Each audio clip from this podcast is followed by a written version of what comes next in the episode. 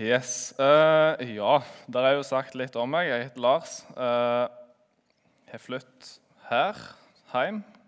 Jeg har vært folkeregistrert på Vigrest i uh, to år.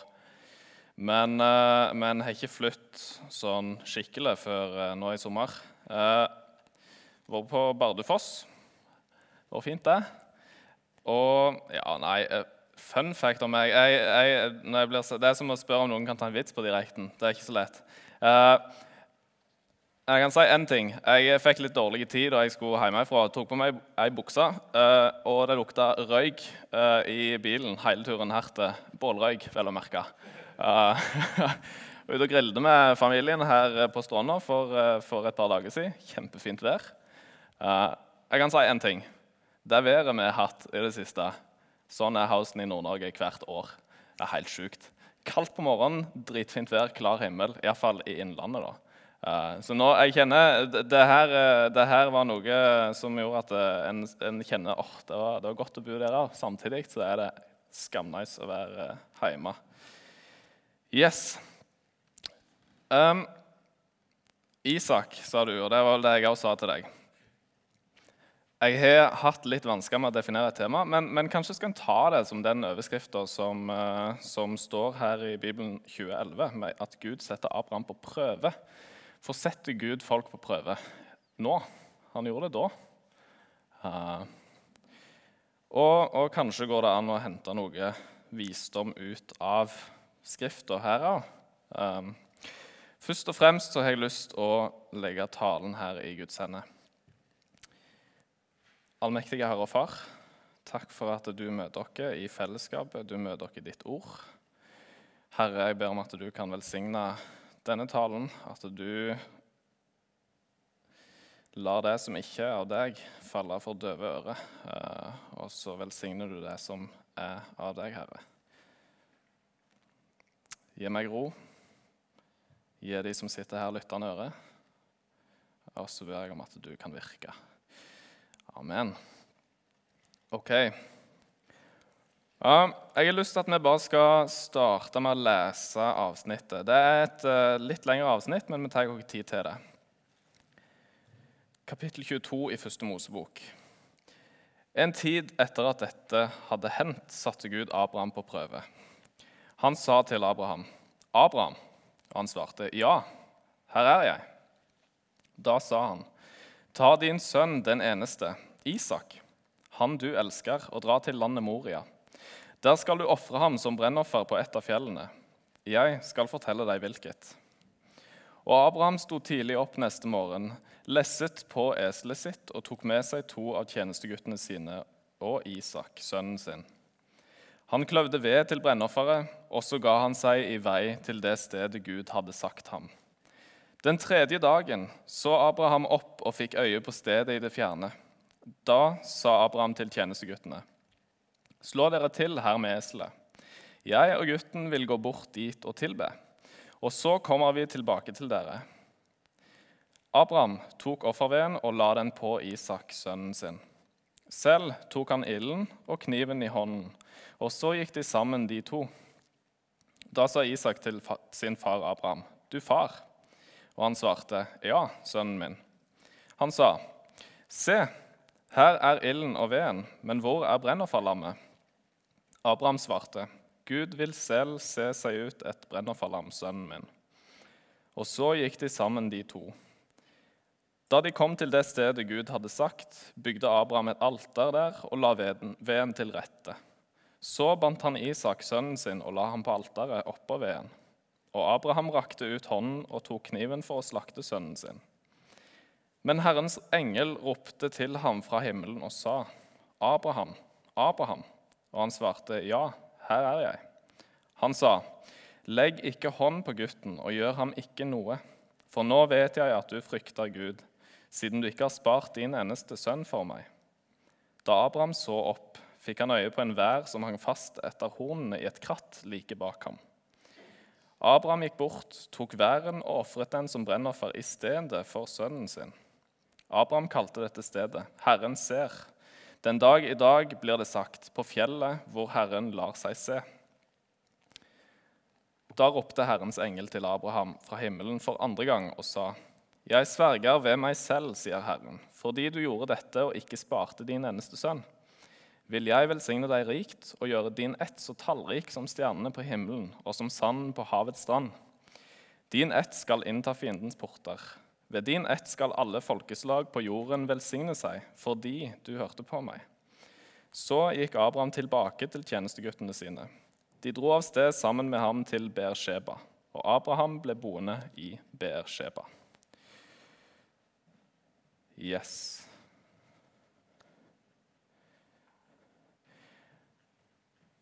Jeg er på Tryggheim til vanlig. Arbeider som uh, ungdomsleder og også litt som lærer i kristendom. Og dette, Denne historien her er en av de tingene vi har gått gjennom i den uka som har vært. Uh, jeg har fått lov å, å ha det en sånn gjennomgang mer eller mindre likt med litt forskjellige klasser. Og så tar jeg meg sjøl i å møte en bibeltekst og en historie som jeg syns er litt utfordrende, for å være helt ærlig. Jeg vet ikke om dere har tenkt på det, men det er en ganske utfordrende tekst. Og så er det en tekst som, som allikevel sier noe om hvem Gud er. Gud vil ikke ha menneskeoffer. Eh, hvis en setter det i den konteksten som var der, og hvis en leser Det gamle testamentet, så ser en at i områder rundt så skjedde det at folk ofra andre folk til gudene de trodde på. Og så setter Gud lista her, og så sier han det, jeg vil ikke ha menneskeoffer. Er det fortsatt en utfordrende tekst? Ja, jeg, jeg vil si det. Også i timene på Tryggheim så, så har vi også snakket om denne historien. Og så har vi sett dere ned og sett på en miniserie som heter The Bible. Den fantes på Netflix, ikke nå lenger. Og Første episode tar for seg denne historien, bl.a. Og så syns jeg fortsatt det er utfordrende. Når jeg ser det på en måte visualisert ikke sant, med skuespill og hele pakken eh, Når du får disse scenene der Abraham i sånn lydige fortvilelse omtrent går med, med sin sønn går med, med han til det her fjellet Og så har du det klimakset, ikke sant? Mens Hans Zimmer og så måtte jeg søke opp den andre komponisten, Lorne Balfs. Uh, mens det på en måte klinger i bakgrunnen. Uh, kjempedramatisk. Legger hele stemninga på det der, og, så, og, så, og så, så, blir det litt sånn utfordra. Frustrert, kanskje. Er det virkelig sant?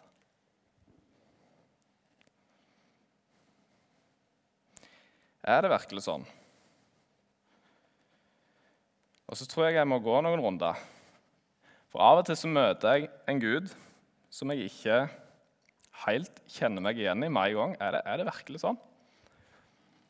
Og så kan det kanskje skje i flere, flere aspekt av livet vårt.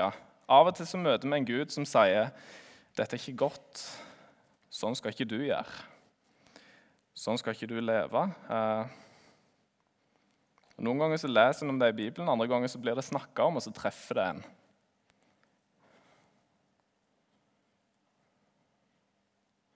Så må jeg gå noen runder med meg sjøl. Stemmer det virkelig? Står det sånn i Bibelen? Er Gud?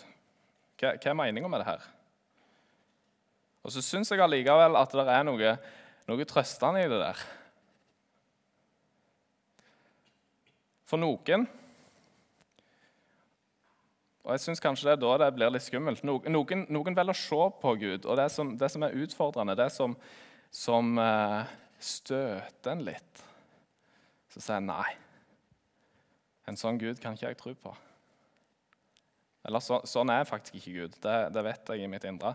Og så, og så blir en sånn at en definerer Gud ut ifra seg sjøl. Ender er ikke da opp i å lage seg noe et bilde i sin egen fantasi om hvem Gud virkelig er.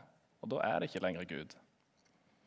Gud møter vi i Skrifta, og noen ganger så møter vi han i tekster som kan være utfordrende. Noen ganger så møter vi han i ting som peker på vårt liv. Og som vi kanskje ikke skulle ønske å ta et oppgjør med. Men så er det fortsatt Gud. Noe annet ville bare vært et fantasifoster.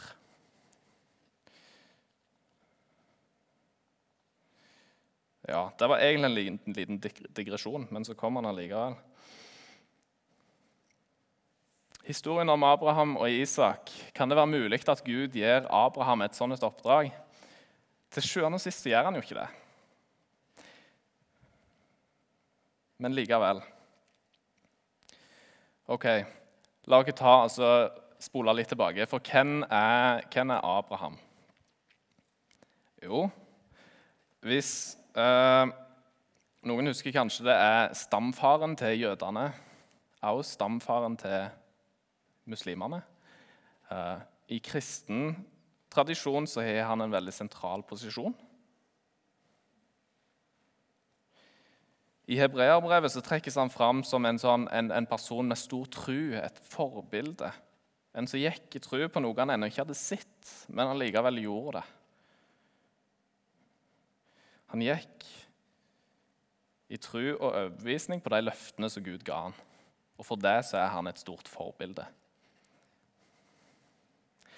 Likevel, hvem var Abraham? Var han perfekt? Svaret på det er nei. Han var ikke det. Blant annet så sa Gud før han fikk Isak, som var på en måte den sønnen han hadde blitt lova Han skulle få en unge med Sara si kone, men så var hun for gammel egentlig. Kunne ikke vært gravid. Også i samarbeid med kona så fikk han bl.a. en annen sønn, Ishmael, med ei av slavekvinnene som han hadde. Prøvde å fikse det sjøl. Og ikke helt det han skulle. To ganger står det her i første, første Mosebok at han lot Sara bli tatt av fremmede konger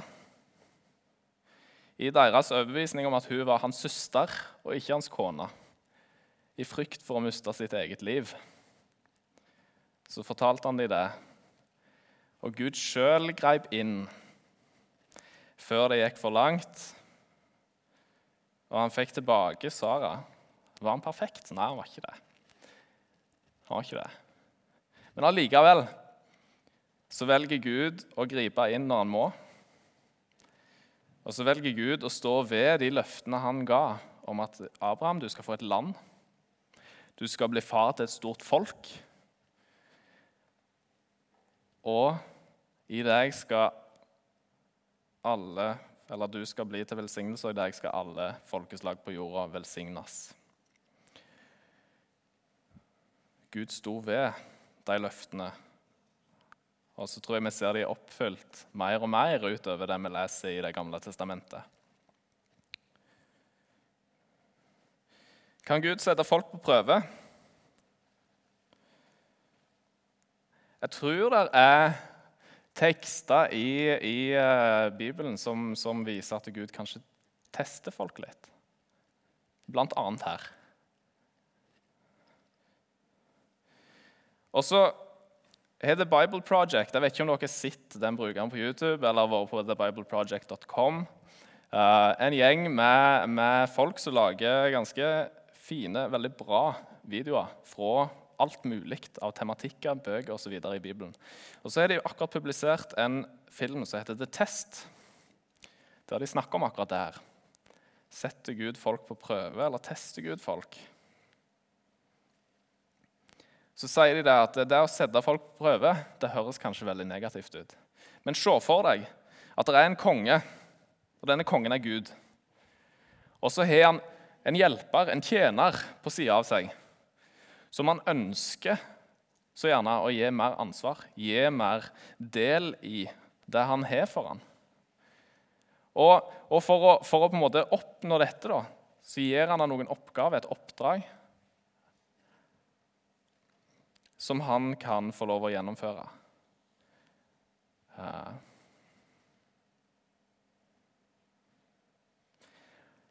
Og det oppdraget vil ha eh, positivt utfall. Det vil være godt, det vil være til det beste.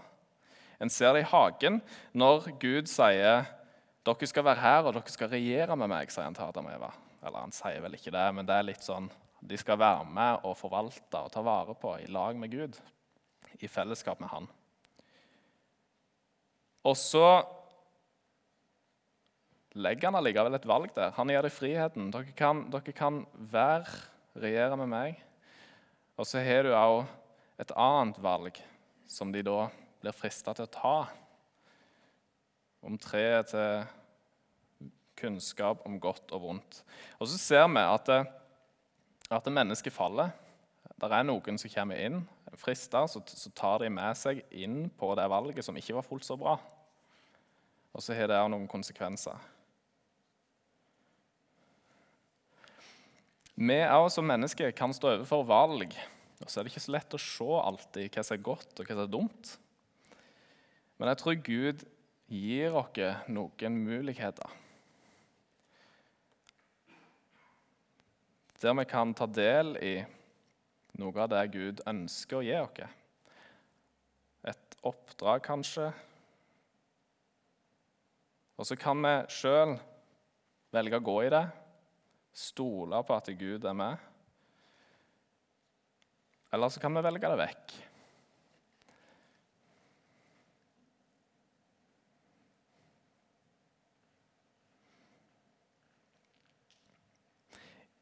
I prøvelser Og det er ikke så lett å se det alltid mens vi står i det, for noe, noe kan være krevende og utfordrende.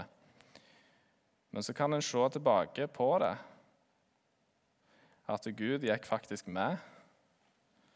Og jeg har vokst som kristen. Jeg har vokst i mitt forhold til Gud, i mitt forhold til mine medmennesker. Og jeg er kommet styrka ut av det. Og jeg tror Gud går med.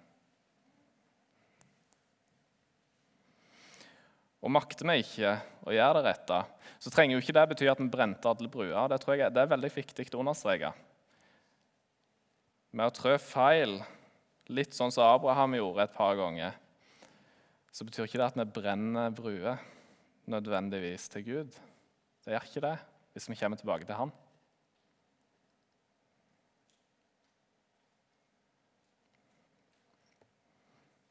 Men kanskje kan det bety at vi går glipp av en mulighet.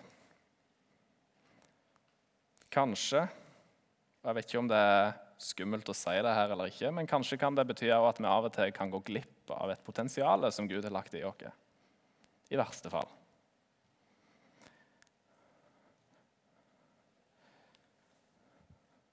Men så lever vi et ikke veldig langt liv, men vi får flere sjanser. Gud gir oss flere sjanser i livet sammen med ham. Og det må ligge i bånn hele veien. Gud velger ikke bort noen av sine barn som velger å komme til han og holde seg til han. Selv om vi av og til feiler og kødder det til for oss sjøl. Så har vi da et møte med Abraham i denne teksten i 1. Mosebok 22. Vi kommer ganske langt ut i livet hans med Gud. Han har fått sitt at han har fått et land. Han har fått en sønn med Sara. Og Mest sannsynlig så møter vi en Abraham som har blitt ganske mye klokere, som har blitt ganske mye visere, og som kjenner Gud mye større, i mye større grad enn det han gjorde før. Og Sånn er det, og sånn ser jeg at det er med noen, noen andre av og til når de lever i lag med Gud og har gjort det over en lengre periode. Så er det akkurat som om de vet og velger å tro på det, at Gud er med alltid. Og Når det kommer ting, utfordringer, ting og tang som dukker opp, så er det én plass de går først og fremst, og det er til Gud. Og Jeg skal ærlig innrømme at jeg ikke er like flink på det alltid sjøl. Hvis jeg skal trekke fram, har jeg ikke spurt henne om lov, men jeg tror det går greit. Hvis jeg skal trekke fram et forbilde der, så vil jeg si det er min mor. faktisk, Adle. Et bønnemenneske. Som, som i det det måtte være, iallfall min opplevelse av det Kan hende ikke den opplevelsen sjøl. Men i det som måtte komme, så går hun først og fremst til Gud med det. Og hun tror at han går med uansett. Så tror jeg at i denne fortellingen her så har vi med en overbevist Abraham å gjøre. En som har sett Gud gjøre ting i hans liv. En som har gitt han ting som han ikke sjøl kunne drømt om å få til.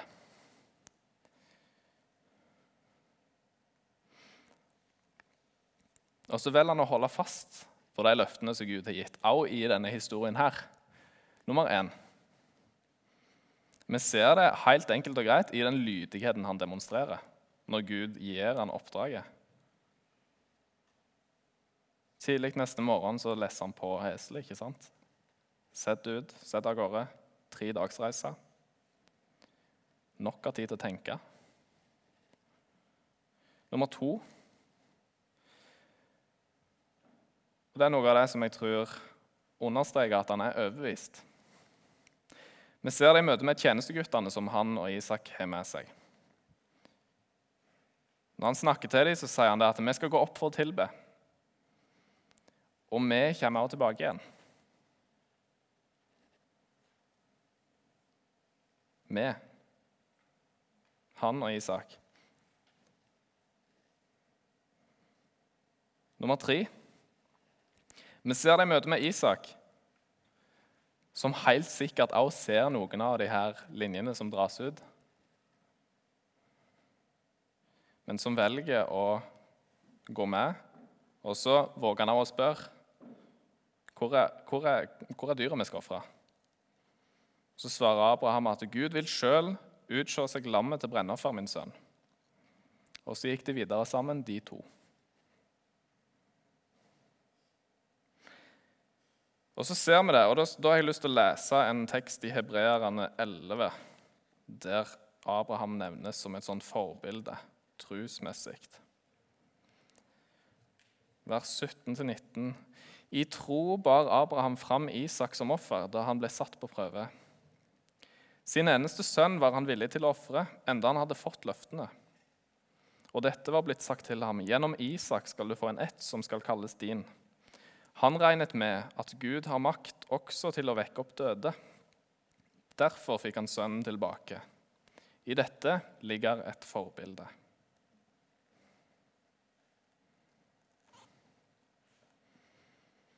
Abraham trodde og det ble regna ham til rettferdighet, står der. Han trodde, han var overbevist. Gud ordna opp på den ene eller den andre måten. Hvis det skulle gå så langt, så ville Gud også kunne vekke opp Isak. Det er helt sjukt. Hvor langt, på en måte? Altså, hvor, hvor stor tro tror du ikke han mat? Stor tro. Men så slipper Abraham å gjøre noe så forferdelig. Jeg tror aldri at Gud ville tillatt det heller. Han gjør ikke det, står det i Skrifta.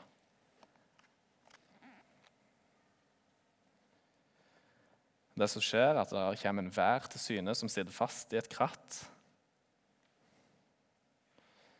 Og Så tar Abraham denne og ofrer den i plassen for Isak.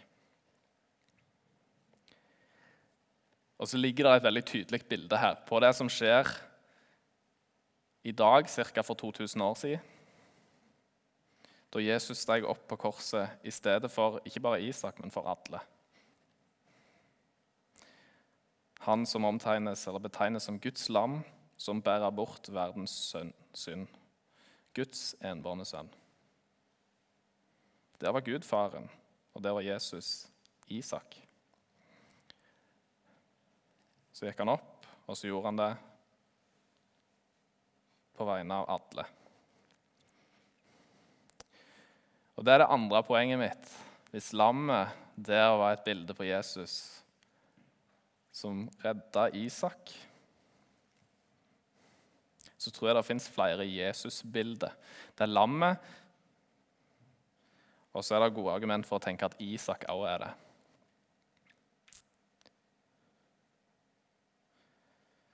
Jesus gikk frivillig. Kan en jo si Han ble tatt til fange, men han lot seg ta til fange. Gikk frivillig på det korset. Forskjellen på han og Isak var at han døde.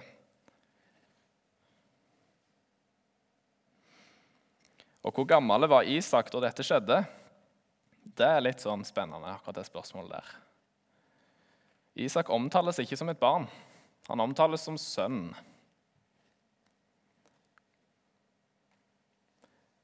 Jødisk tradisjon sier at eh, Isak mest sannsynlig Isak var 37 år. Ikke ute av stand til å forsvare seg sjøl, med andre ord.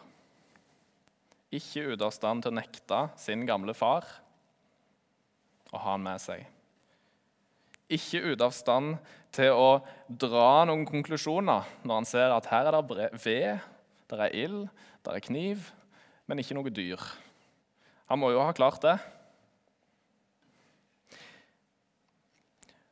Om han var 37 år eller ikke, det er ikke så godt å si. Så vet vi det at han var sterk nok til å bære den veden. Da står det at Abraham ga han alt veden som skulle på bålet, og så tok han sjøl kniv og ild. Han må ha vært sterk nok til å bære det på sin rygg. Ergo var han ikke noen smågutt.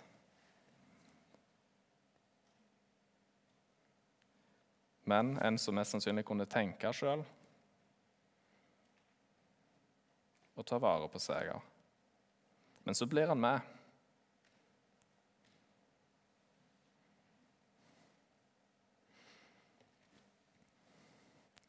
Isak, Abrahams enbårne sønn, som han elsker, står der, stiger opp til fjellet i landet Moria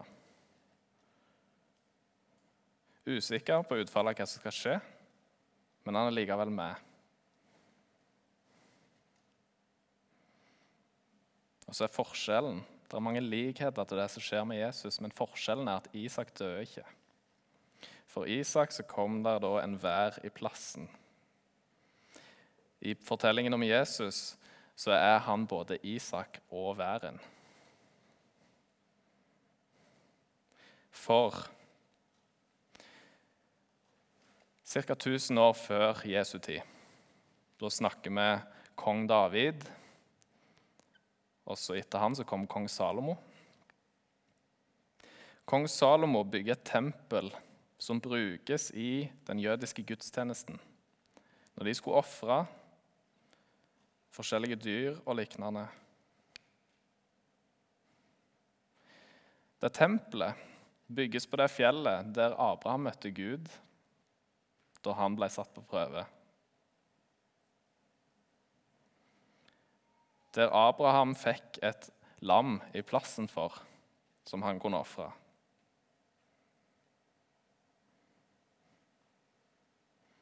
Og Hvis vi da spoler fram til ca. år 33 For dette tempelet ligger i Jerusalem, den byen vi kjenner i dag Og ca. år 33 etter Jesu fødsel så stiger han, Jesus, Guds enbårne sønn, Guds påskelam, stiger opp på en høyde et par drøye steinkast under tempelet. Så det er ikke så langt unna. Der ofres han for oss alle. Ikke nok med det, han står opp igjen.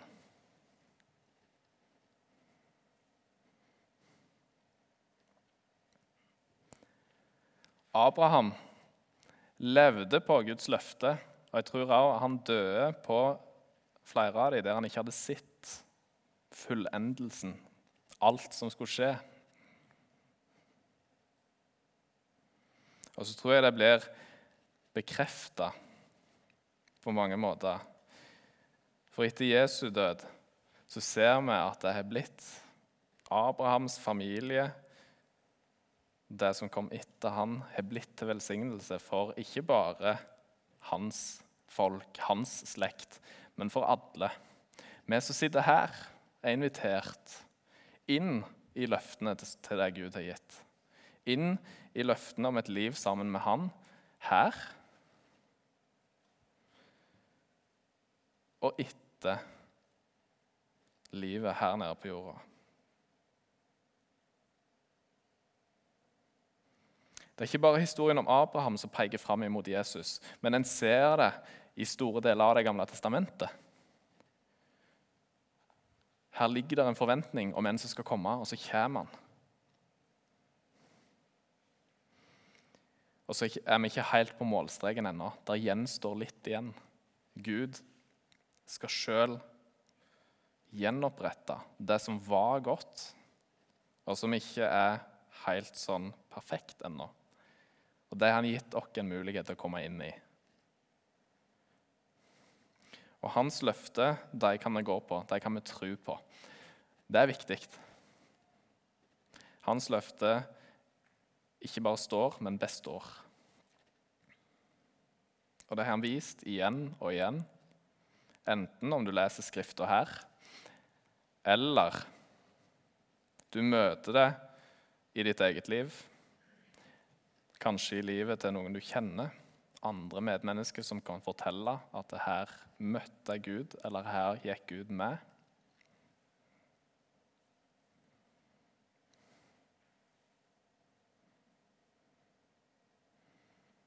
Og Gud går med.